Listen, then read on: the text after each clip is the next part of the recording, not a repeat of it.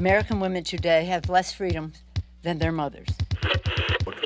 And these heat waves are becoming more frequent because of uh, climate change. Uh. Inflation in the euro area is undesirably high, and this is a great challenge. Every image is a new discovery, and each will give humanity a view of the universe that we've never seen before. Бойовий досвід і може приєднатися до оборони України, повинен негайно прибути до відповідних центрів. We have had wars with Russia, and we don't want that kind of future for ourselves, for our children. Hasta la vista, baby!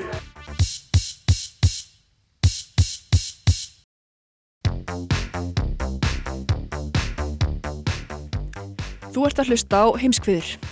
Þáttir um það sem gerist ekki á Íslandi. Ég heiti Bjarni Pétur Jónsson. Og ég heiti Birta Björnsdóttir. Í þættinum í dag ætlum við meðal annars að huga að kostningum sem fara fram í Finnlandi á morgun.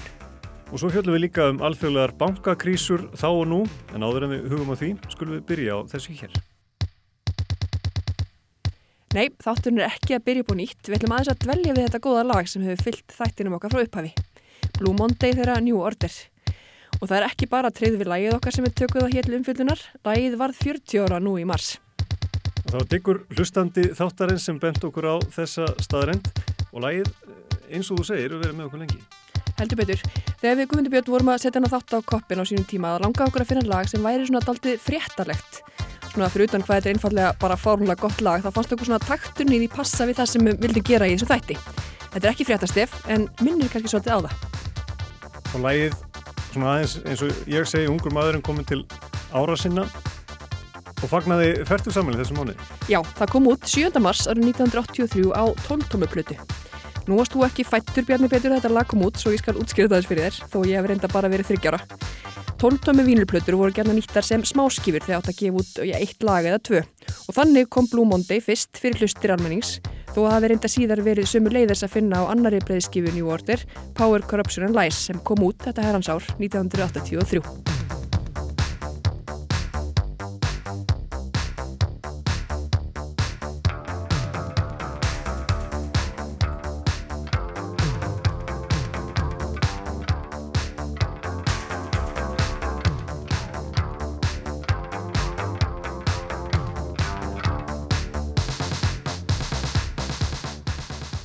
Breskasveitin New Order var til þremur árum áður þegar þrýr eftirlifandi liðsmenn hljómsveitarinnar Joy Division ákvaða að halda áfram að spila saman.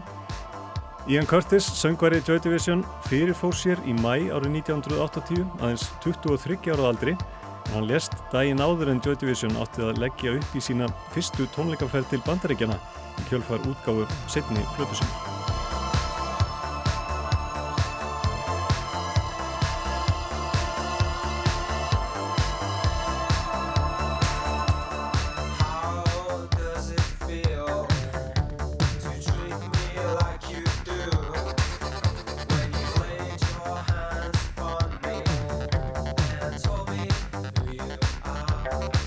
Bassarleikarin Peter Hook, trommuleikarin Stephen Morris og gítarleikarin og söngverðin Bernard Summer ákvaði að halda lofórð sem þeir fjóri í Joy Division gáðu hver öðrum að skipta um nafn ef einhver þeirra heldist úr lestinni. Þannig varð New Order til og til liðs við á síðar sama ár gekk hljómbósleikarin Gillian Gilbert.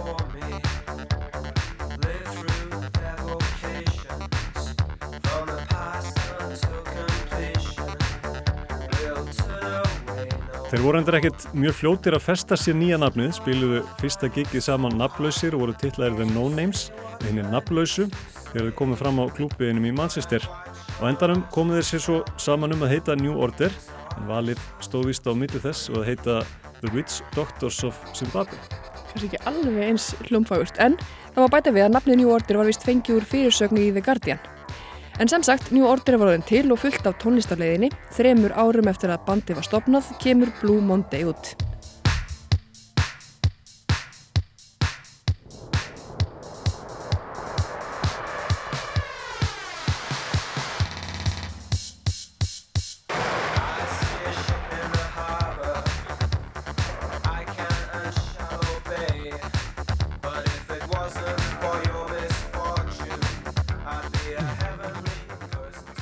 Lægið var gríðarlega vinsælt og hlammaði sér í efstu sæti vinsældalista Víða, sæti 38 vikur og listaði yfir vinsælustu smáskíðurnar í Breitlandi og er þar, enn þann dag í dag, mest selda 12-tómu smáskíða allra tíma í Breitlandi. Þrátt fyrir þessa velgengni tapaði bandið peningum á hverju eintaki sem selt var. Fyrir mistök var smáskífan seld á 1 pund en það kostiði 1 pund og 10 penni að framlega hvert eintak svo að meðan fólk reyf smáskífunar hillunum þurftu njú order útgefandin að borga með hverju seldu eintaki.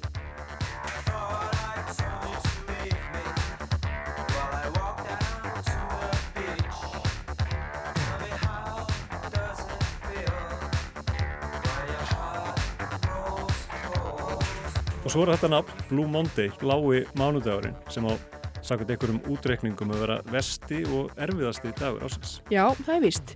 Það er bresk ferðarskrifstofunafni Sky Travel sem markasetti þetta hugdag 2005 held ég og þeir segast að það var reiknað út að hvaða dagur það væri sem væri sá vesti á árnu. Það er sem sagt þriðji mánudagurinn í janúamánuði sem er sá blái. Og ef þetta lag léttir ekki lundin á erfiðum mánudögum, já þá veit ég ekki hvað að gera það. Formúlan við útreikningana er veður skiliði, lausafjárstaða fólks, tími sem liðin er frá jólum, líkur á að áramóta heit hafi verið rofin og bara almenn þróta tilfinning í lífinu. Lægið er heist víða og er af mörgum tónlistarspekuröndum talið hafa haft mikil áhrif á fjölda tónlistamanna og hljómsveita sem á eftir komu. Það hefur ratað á marga lista yfir bestu lög allra tíma, hvorki meirinni minna og er og verður áfram lægið okkar í heimskuði.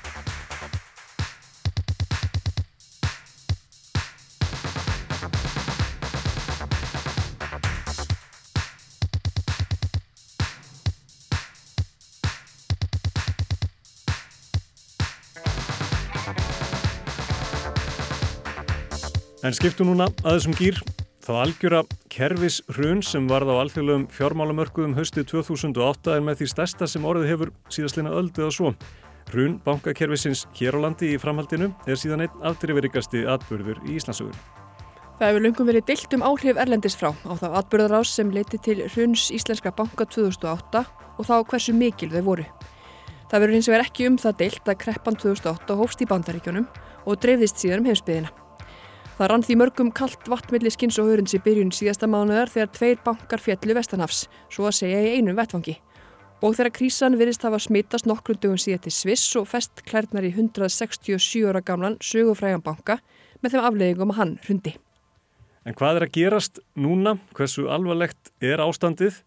Römbu við á barmi alþjóðlegs fjármála hruns eins og 2008 eða er ekkert að óttast? Otur Þórðarsson tekur nú við. Lehman Brothers suffering a spectacular downfall. Its stock at Lehman Brothers is going bankrupt. In financial Lehman markets Brothers from filing Asia for bankruptcy as the subsidiaries basically Lehman Brothers, Lehman Brothers, whose because he collapse, started remember, a major signpost in the financial Lehman's books are loaded with troubled 2008, Lehman Brothers, the fourth largest investment bank in the world. partner at Lehman Brothers when it went down the tubes and almost took every one of us with us, including Miðað við önnur lönd er hlutfall þeirra sem þekkja bandaríska bankan Lehman Brothers og endalok hans líklega nokkuð hátt hér á landi. Fall bankans á blíðviðri stegi um miðjan september árið 2008 varð kveikjan að fjármála krísu sem síðan skók allan heiminn það ár og árin á eftir. Þeir atbörðir sem áttu sér stað í kjálfarið hér á landi eru Íslendingum flestum en ljós lifandi. Þegar rúm 14 ár eru liðin frá þeim hörmungum er vart við ónotalegan titring á mörkuðum vestanhafs og nær okkur sömu leiðis á meginlandi Evrópu. Bandarísku bankarnir Silicon Valley Bank og Signature fjallu í upphafið síðasta mánuðar og nokkrum dögum síðar urðu svisnesk stjórnvöld að hafa milligöngu um kaup svisneska bankans UBS á hinnum sögufræga Credit Suisse banka.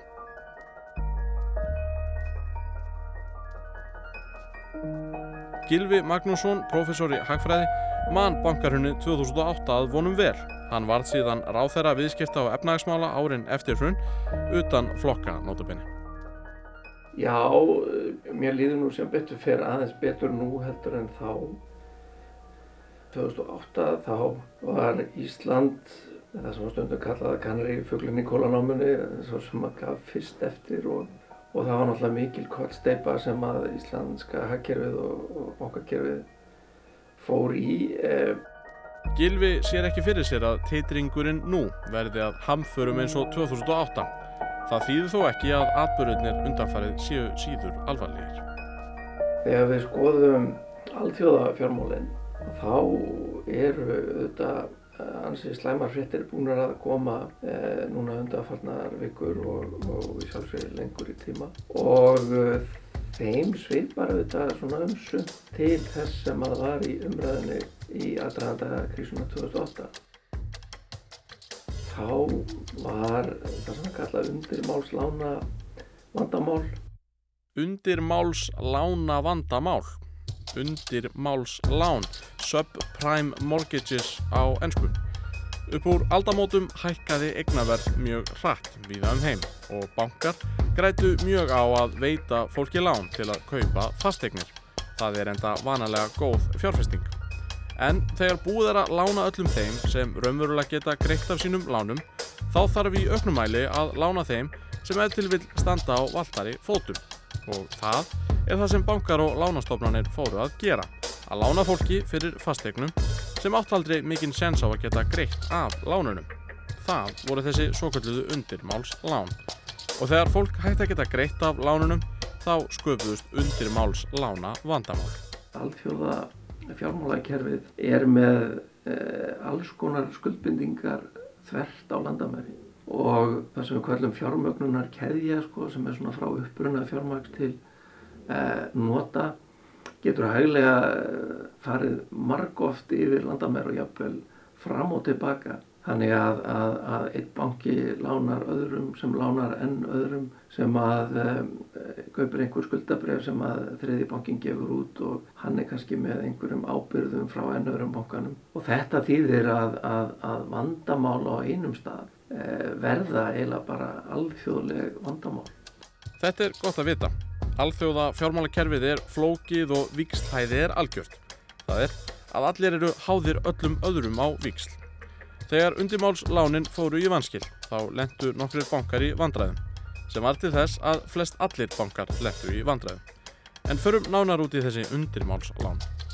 Flækjurnar með fastegnalánin voru allverulegar vegna þess að, að þetta voru ekki svona einföld fastegnalánar eins og þegar til dæmis lífur í sjóður tekur mútið yðgjöldum og lánar þau til einhvers sem að, að er að köpa sér fastegn og fær svo bara greitt í róleihitum frá uh, fastegna kaupandanum. Um, þetta var þannig að það voru einhverjir aðalar sem að, að, að veittu lán en uh, áttu raun og veru ekkit fér til þess að veita lánin, þeir áttu kannski fér til þess að halda sér að floti frá mánuðu til mánuðar en þurftu að, að selja lánin nánast jafnharðan til annara aðila og það voru þá oft aðlar eins og Lehman Brothers og, og reyndar margir aðri sem voru í sama eh, sömu viðskiptum sem að, að, að byggu til það sem er kallað vapningar.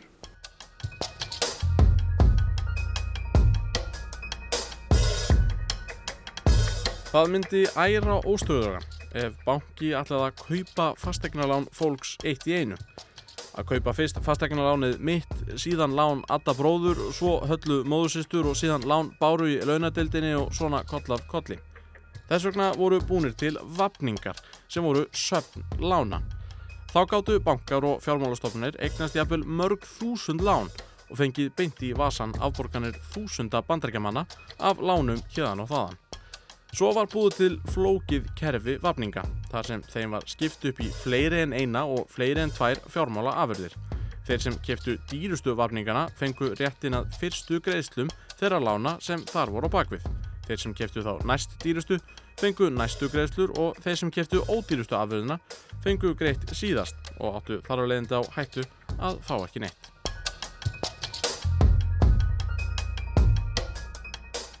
Og ef við munum fannst þetta ekki nógu flókið að þá til viðbótar þá uh, voru keiftar tryggingar á uh, þessi söp uh, af tryggingafélögum þar á meðal einu risastóru sem að, heitir AEG og tryggingafélögin raun og veru ábyrðust að ef það erðu vanskil að þá myndi tryggingin borga það sem að upp á vantæði þannig að þetta voru mjög flóknar fjármálafur og reyndar er ég ekki eins og búin að lýsa hana með helmingum af flækjunum því að menn, menn, menn fór í alls konar leikfimi síðan með þessa vafninga en Fjölmarkar, risastórar og alþjóðlega mikilvægar fjármálastofnanir áttu í raun allt sitt undir því að fólk í bandaríkunum borgaði af fastegnarlánum sínum.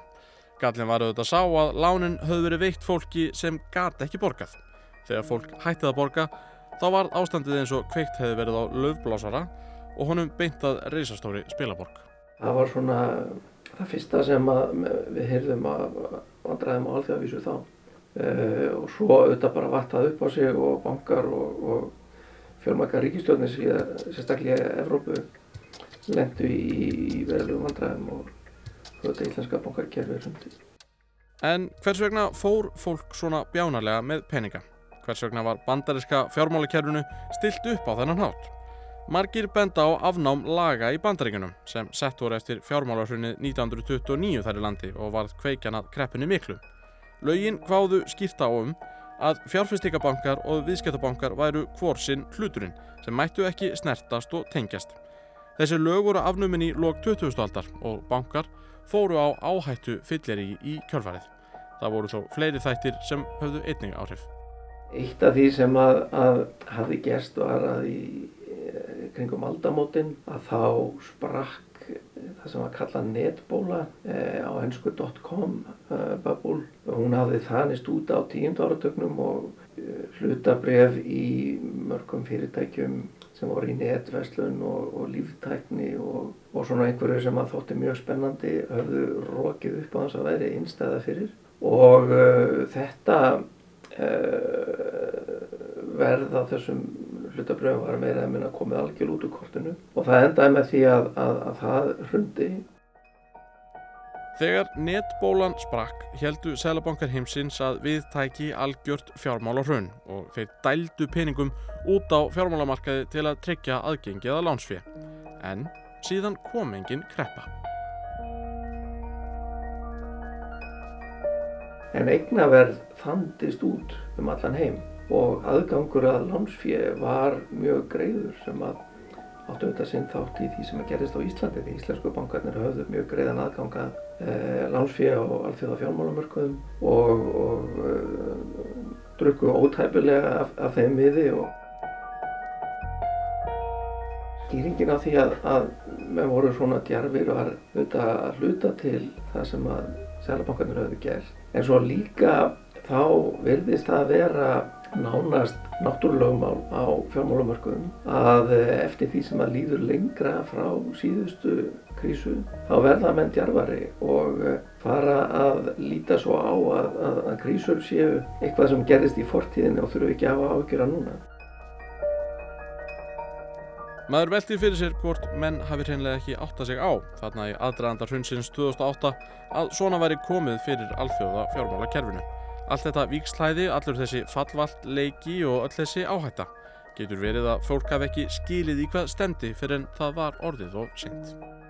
Það er held ég alveg óhætt að fullir að, að, að svona almenni skilningurinn hafi verið að þetta kerfi væri tröst og að, að fjármálakrísu væri svona eitthvað sem kemur fyrir í innan gæslappa vantflóðum löndum, svona Argentínu eða Kúpu eða Mexiko eða einhverjum slíkur löndum en ekki á hennum þróuðu uh, vesturlöndum sem að voru með stór og bankakerfi og, og, og hæstu uppaðirnar og voru með helstur sæðlabankana á bakvið sig. En uh, Trump er fallin næst að þetta var auðvitað uh, kolram, þessi vestrænu fjármálakerfi voru afar brotætt og, og römbuðu bóstaflega á, á, barmi hengiflugsins og allavega einu tilfelli fóru fram af hengifluginu þar sé á Íslandi. E, auðvitað voru einhverjir sem að vöruðu við þessu e, en það var ekki mikið hlustað á þá. Það er dæmis gaman að revja upp að, að bandarísku fræðmaður sem heitir, eða hétt Hæman Minski sem dónur reyndar löngu áður en að fjármálarhrunnið var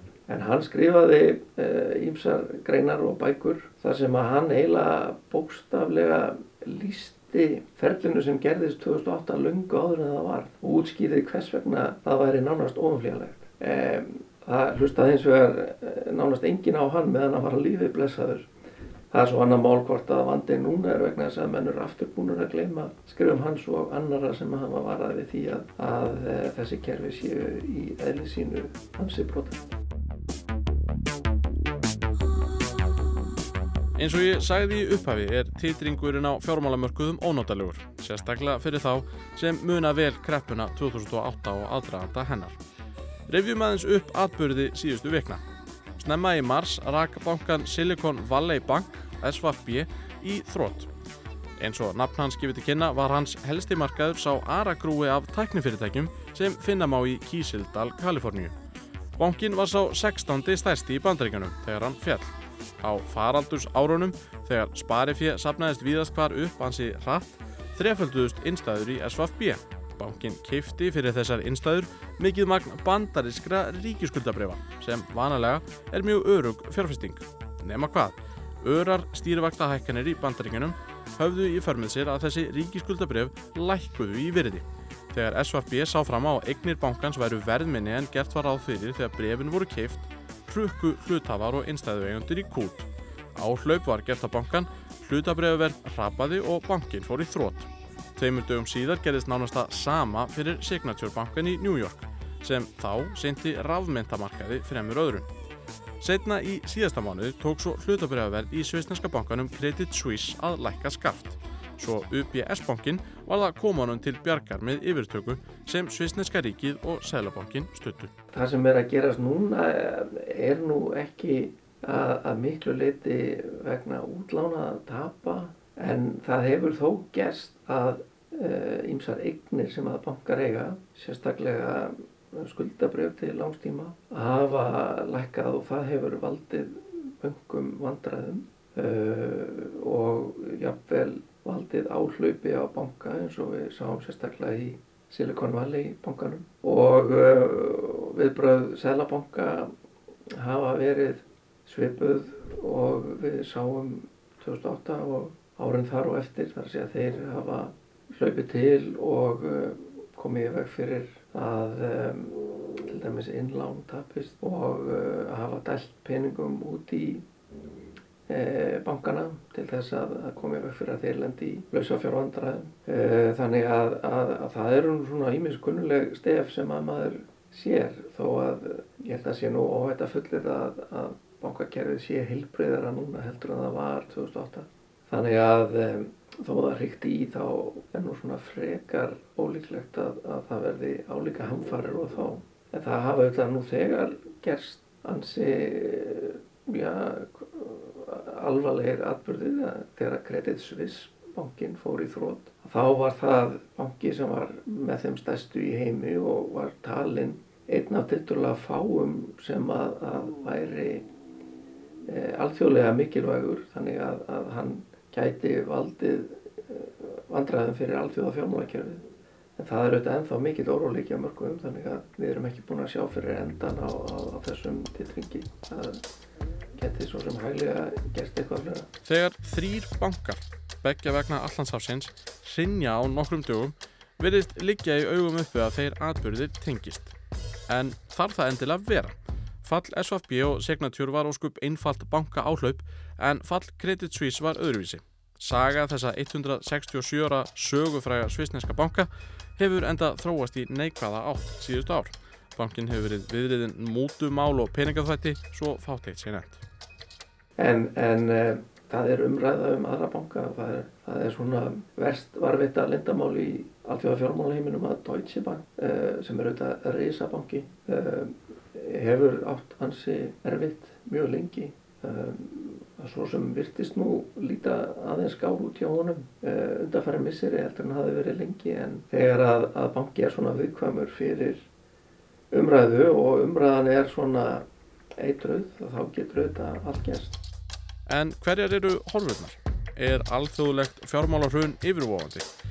Gilvi heldur ekki. Hann segist þó vissum að það verði fleiri dramatískir atbyrðir á næstunni. Ég tel það eiginlega alveg næsta víst að það er bara nánast reglan að, að þegar að það verður svona mikil óróleiki og hræðsla að þá veldur það einhverjum slíkum skakkaföllum og þau geta gæst mjög hratt sko umræðan um Silicon Valley bankan var ekkert lung en hann komst í vandræði.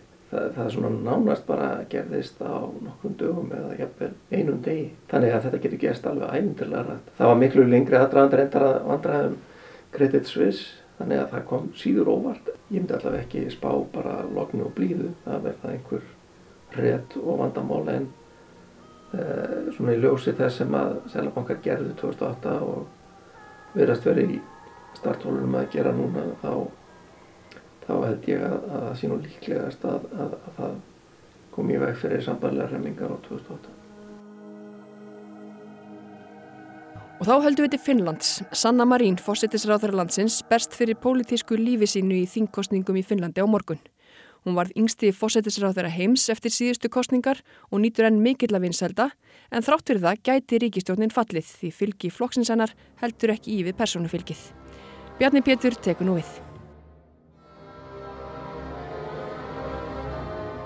We want to build a society that is socially, economically and environmentally sustainable. We want to strengthen equality, education and skills.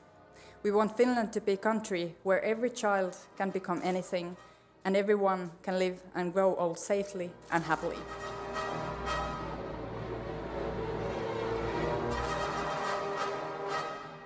Það var stórhuga ung kona sem tók við stjórn fimm flokka ríkistjórnar finna árið 2019 eftir að Andi Rinne formaður jafnaðamanna rökklaðist frá völdum eftir aðeins nokkra mánuði í fórsættisráð þeirra ennbættinu. Sanna Marin stemdi að sjálfbæru samfélagi þar sem ungir sem aldnir getur lifað áhyggjuleysu lífi. Hún var nýjórðin 34 ára þegar hún tók við, yngsti fórsættisráð þeirra finna frá upphafi og fór fyrir ríkistjórn þar sem konur voru í miklu meiri hluta. Allt þetta vakti mikla aðtikli alþjóðlega og það hjálpaði mjög við að auka vinseldir sönnu heimafyrir sem hafa haldist töluverðar þrátt fyrir mikla erfiðleika á kjörtímabili sem hlýtur að teljast eitt það viðburðaríkasta og um leið erfiðasta í nútíma stjórnmálasögu finna. Innrás rúsa í Ukrænu hafði mjög mikil áhrif á finna sem kúvendu afstöðu sinni til nákvæmannana í austri. Nú vildi mikill meiri hluti ganga í Allarsasbandalagið og var stuðningur við NATO aðild í öllum stærstu stjórnmálaflokkunum. Ukrænustríðið og faraldurinn urðu svo kveikjana fleiri krísum sem hafa herjað á finna eins og aðra Európabúa. Orku og matarverð hefur verið í hæstu hæðum og sumulegis skuldir ríkissjós sem ruku upp. Skuldsetning hins opimbera hefur verið mest ábyrrandi í gaggríni á stærstu flokkana Skuldsetning hins opimbera hefur verið mest ábyrrandi í gaggríni stærstu flokkana á sönnu og stjórnhennar. Auðun Allarsson sem var sendið herra í Finnlandi 2020 til 2022 á von á mikilli spennu annað kvöld. Kannanir gefa til kynna þetta verði æsi spennandi og nýfjafnar kostningar og þar eru þrýr flokkar fremstir. Það eru jafnaðamenn, Sanna Marín, fósittisára það er samstöðuflokkurinn sem er íhaldsflokkur uh, og hæriflokkur og svo er það flokkur Finna sem er svona populískur flokkur sem kom upp fyrir nokkrum árum og allir þessir flokkar eru kringum 19-20% og eigilega útilokkað að segja að þessari stundu hver þeirra verður uh, á endanum með flest atkvæði. Stóru átakaflitirnir fyrir þessa kostningar eru að segja má hefbundnir. Jafnaða menn stefna á því að verja auknum fjármunum til almannaþjónustu, sérstaklega heilbriðiskerfisins. En leituar stærstu stjórnan anstöðuflokkana, samstöðuflokksins og finnaflokksins hafa lagt höfuð áherslu á aðhald í ríkisfjármálum og sakað sönnumarinn og jafnaða mennum að sapna skuldum og vanrækja á sama tíma skildur sínar gagvart borgurunum. Einbytta sér frekar að hælisleitendum og þeim sem hafa nýlega flutt til Finnlands en að þjónusta þá sem fyrir voru í landinu. Uh, there are two main topics. The economy and inflation. What happens in your wallet? You know, Þetta er Ari Hakahúta, stjórnmála skýrandi ulle finska ríkisútasins. The opposite parties uh, criticize Sanna Marin's government for being too careless with the public debt. So even though we have gone through the COVID-19 and are facing the war in the Ukraine, even though Hallgrimur Indriðarsson talaði við Ari í vikunni. Hann segir að efnagsmálinn hafi verið nummer 1, 2 og 3 í kostningabáratunni og stjórnin verið sökuð um kæruleysi þegar kemur á skuldasöfnun. Og svona hefur umræðan verið síðustu miseri. Venjulegir finnar fá ekki neitt, hefur heist frá stjórnar anstöðunni á kjörtímabilinu. Þar hafa liðsmenn finnaflokksins verið fremstir og leiðtói þeirra reyka búra. Hennar aðhals aðgerðir beinast engum að því að draga úr framlögum til útlendingamála en Petri Orbo sem fer fyrir samstöðufloknum hefur reynd að stilla sér upp sem ábyrga manninum í hópnum. Lagt til að efnaðasmálinn verði tekinn förstum tökum og helst sparað þvert yfir línuna. Sanna Marin hefur hafnað því að dreyið verði úr framlegum til menta og helbriðismála. Það myndi koma niður á finsku samfélagi síðar. Hún vil þessi stað sækja fér til þeirra efnameiri og stoppa í guð skattkerfisins sem auðmenn hafi nýtt sér til að komast hjá skattgreðslu. Finnar auðvitað að glíma við efnas þrengingar eins og allir er, erbólgu, skuldasöfnun út af COVID og, og svo líka út af Úgrænustriðinu. Þannig að það er hart tekist á um hvernig eigi að, að stilla af rekstur ríkisins, stöðuva skuldasöfnun og helst borga niður skuldir og þar er uh, tekist á um leiðir, svo að segja. Og, og mér sýnist að það sé ákveðt í skilningur af því að núvarendi ríkistjórn Sönnu Marín sem er fimmflokka miðju vinstristjórn að hún hefur náttúrulega lent í uh, stórum jarðræringum sem var fyrstalega í COVID og svo Úkrænustríðið sem er mjög nálagt Finnlandi og það er Úslandi er svo mikill nágranni að, að það skilji allir að, að finnar þurftu með tímabundið að, að skuldsetja sig. Finnar hafa lengi lagt mikla áherslu á velferð og verður 29% af þjóðar framleiðslu til velferðamála í fyrra. Þetta hlutfall hefur hækkað síðustu ára og flestir eru sammálum tvent, það sé ekki sjálfbært til lengdar og kostnæðurinn innan kervisins er eftir að aukast að óbreyttu því finnar eins og aðrar þjóðir er að eldast. Þetta var eitt helsta kostningamáli fyrir síðustu kostningar 2019, hvernig stjórnvöld ætlið að breyðast við öldrun þjóðarinnar. Engin laust fannst þá og íllafur gengið að færast nærinni á kjörtímabilinu. Mjög var deilt um engarekstur í heilbyrðiskerfinu, aðalega tengt heilsugjastlunni fyrir síðustu kostningar og einhverju leiti núna líka. Heilsugjastlan hefur verið á ábyrð sveitafíla og þótt ganga hægt. Þar eru langir bygglistar en engalegna stöðu var að veitni bóðu upp á þó þjónustu. Mörgum þykir nóg um hversu miklir fjármunir fara úr kerfinu til stóra alþjóðleira fyrirtækja sem reka heilsugjastlu stöðvar og engasjúkrahús. Þetta á líka við um þjónustu fyrir eldra fólk þar sem mönnun og aðstæða þykir ekki nógu góð og reynda að draga úr þjónustu þar sem kostur er til að arðurinn verði sem mestur. Þetta þref hefur staði lengi, íhaldsmenn í samstöðuflokknum vilja halda valfrelsi í kerfinu og engarekstri, sumulegðis hlutar miðjuflokksins og finnaflokksins, en þar eru líka háværa rattir um að fá stjórn heilsugjastlunar heim í hérað draga úr miðstýringu, meðan jafnaðamenn og einstri flokkar vilja svo bæta þjónustuna þó það geti kostað svo litið meira.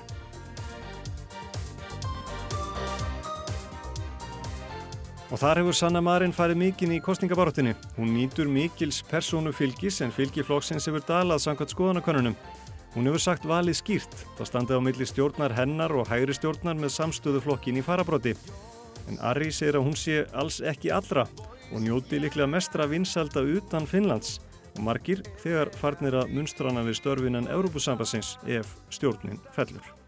The attitude towards uh, Sanna Marin is very polarized. She's very popular in Finland. Uh, she's more popular than her party, but at the moment could be more popular somewhere else in Europe than in Finland. Ja, ja. Mitt arbetarparti, säg så gammaldags stil. Ha mig please, vi har Sanna Marin, vad har ni?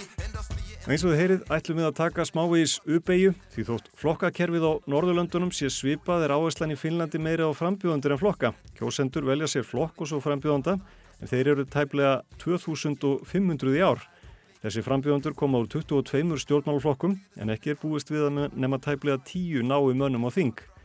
En þessi áhersla á frambjóðandur getur oft leitt til eins konar vinsaldakefni og frægir finnar eru ábyrrandi á frambóðslistum í ár. Eitt þeirra er jafnaðamadurinn Jóhann Kvarnström sem hér rappar um áherslumál sín og hefur vakið tölverða aðtegli fyrir.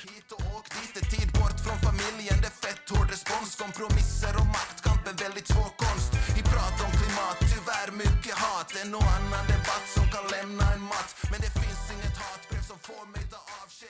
Hann er sænskumælandi finni en þeir eru fjölmarkir í Finnlandu og hefur sambúðin jafnan gengið vel en þetta er ný leið til að koma áherslumálum flokkana á framfæri og virðist gefast vel.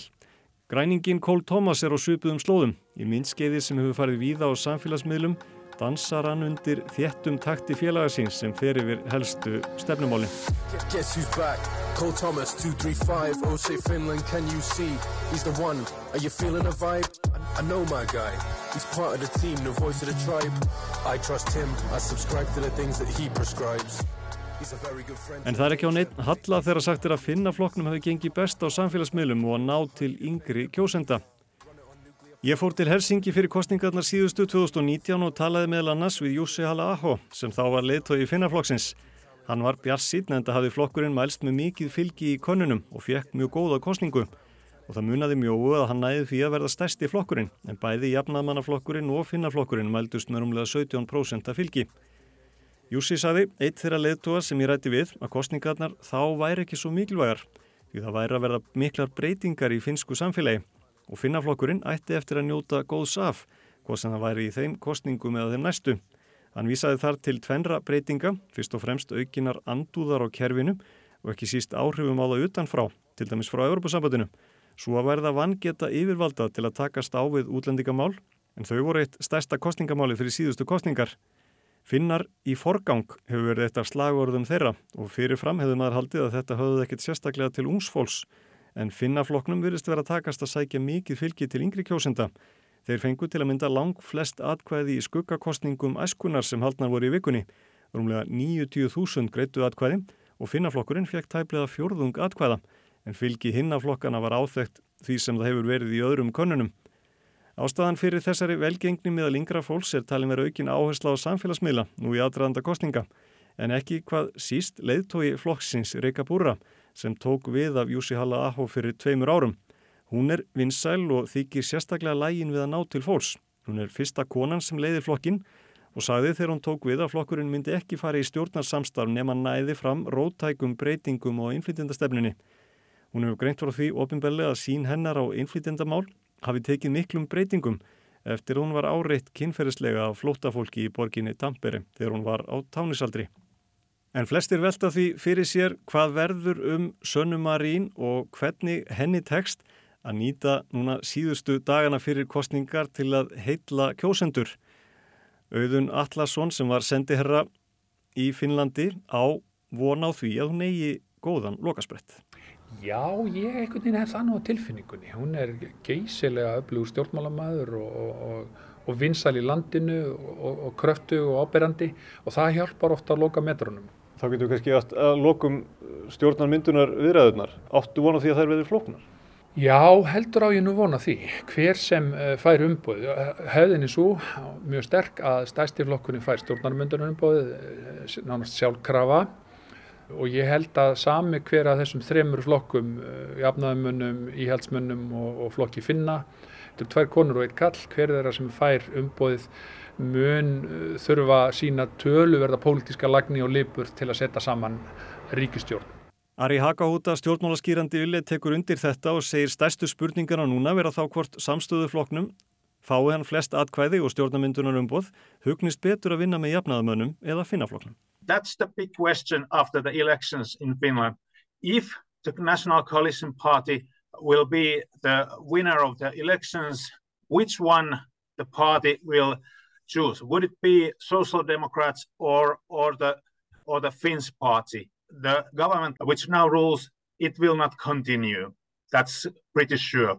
And uh, every one of uh, of those three uh, major parties uh, could uh, win the race. So Finland is very likely to have a new government coalition uh, next session of the parliament. Þetta verða loka orðin í heimskuðum þessa vikuna og loka orðin okkar fyrir páska. Við verðum því ekki með ykkur í næstu viku en við heyrumst aftur eftir hálfa mánuð. Takk fyrir að hlusta.